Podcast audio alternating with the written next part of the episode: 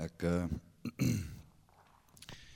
is die eerste keer dat ek in 'n kerk opstaan om 'n getuienis te bring. Ehm um, en ek wil almal vra om net saam met my net vinnig oë toe te maak. Ek wil net 'n kort gebed doen. Ons hemelse Vader, ek vra dat U my sal lei in die Gees. Ja, Here. Soos dit U my soos U my nou die dag gelei het, Vader, ek vra dat ek hierdie getuienis korrek sal bring, Here, tot eer en verheerliking van U naam. Amen. Ek Ja. bid dit in die naam van Jesus. Amen. Amen. Mense wat ek julle nou gaan vertel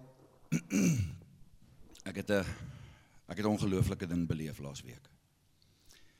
Laasweek donderdag vra my pa my ek moet om 7:00 in die oggend op die plaas ontmoet. Ek moet hom help om 'n rooi bokram te vang. 7:00 die oggend toe ek op die plaas soos dit uitgewerk het kon my pa nie daar wees nie. Hy kon eers later die middag opdaag. Ek het besluit ek gaan nie die tyd mors nie. Ek gaan maar alleen rondry en kyk of ek alleen regkom en hierdie rooibok rammetjie gevang kry. En terwyl ek so deur die plaas ry,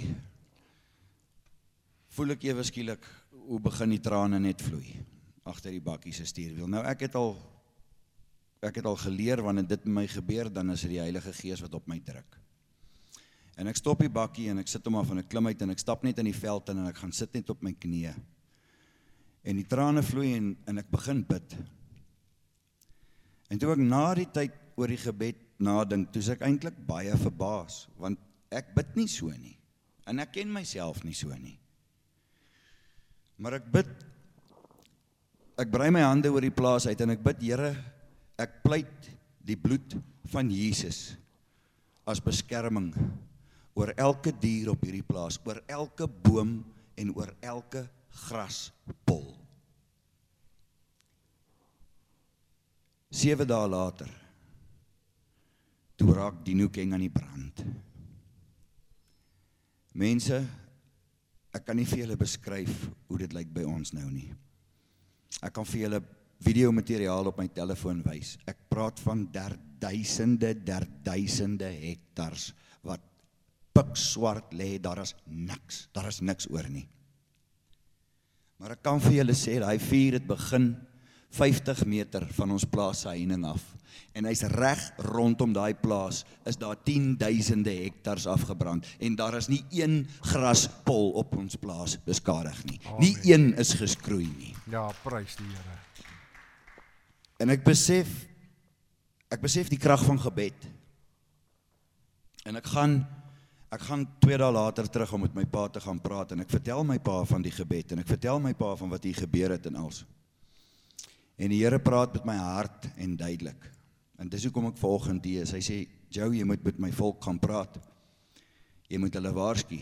En ek staan nie hier vanmôre om vrees te saai nie, mense. Ek staan vanmôre hier om vir julle te sê wat die Here vir my gesê het. Toe ek op daai koppie so staan en ek kyk so rondom en ek kyk die swart gebrande veld en die bosveld wat so verniel is en ek kyk elke graspolletjie op hierdie plaas is is is intact. Daar's nie eens een geskroei nie. Fisies is dit onmoontlik. Fisies is dit onmoontlik. Amen. En ek sê vir die Here, ek het al baie vure in my lewe beklei. Ek het in die veld groot geword. Ek sê Here, fisies is hierdie onmoontlik. En die Here sê vir my is niks onmoontlik nie. Amen. Hy sê jou jy my mense gaan waarsku. Want soos hierdie bosveld gebrand het, soos hierdie bome gebrand het, so gaan my volk brand. Dit is op pad.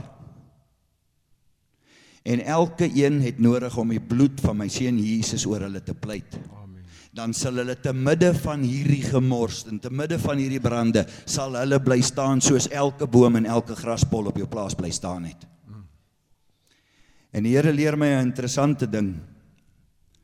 Hy sê julle is gou om Psalm 23 te bid en te lees: Die Here is my herder, niks sal my ontbreek nie, al gaan ek ook deur 'n dal van doodskade weer. Hy sê maar Joe en ek sluit aan by wat 'n pastoor my in 'n selgroep laasweek geleer het. Hy sê julle lees die Psalm verkeerd.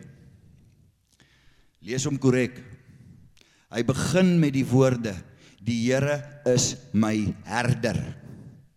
Hy sê nou wat is 'n herder? Dis die persoon wie agter die skape kyk, wie hulle oppas, wat saam met hulle slaap in die veld. Hy's altyd daar om hulle teen enigiets te beskerm. Maar die skaap ken die herder se stem. Die skaap ken die herder se stem. Hy loop nie agter 'n vreemde herder aan nie. En die Here sê jou gaan waarsku my volk en sê vir hulle: Nader tot my sodat ek tot julle kan nader. Amen. Maak seker ek is julle herder. Maak seker dat julle my stem kan herken in hierdie tyd. As ek jou herder is en jy ken my stem, dan kan jy vas bly staan te midde van alles wat gaan gebeur, te midde van alles wat op pad is in hierdie land en wat kom, sal jy vas bly staan. Jy sal deur die dal van doodskade weer stap terwyl dit pikswart rondom jou is. Daar sal nie 'n haar op jou hoof geskroei word nie, maar maak seker ek is jou herder, maak seker jy ken my stem. Amen. Amen. Ek wou dit net vandag met julle deel. Baie dankie.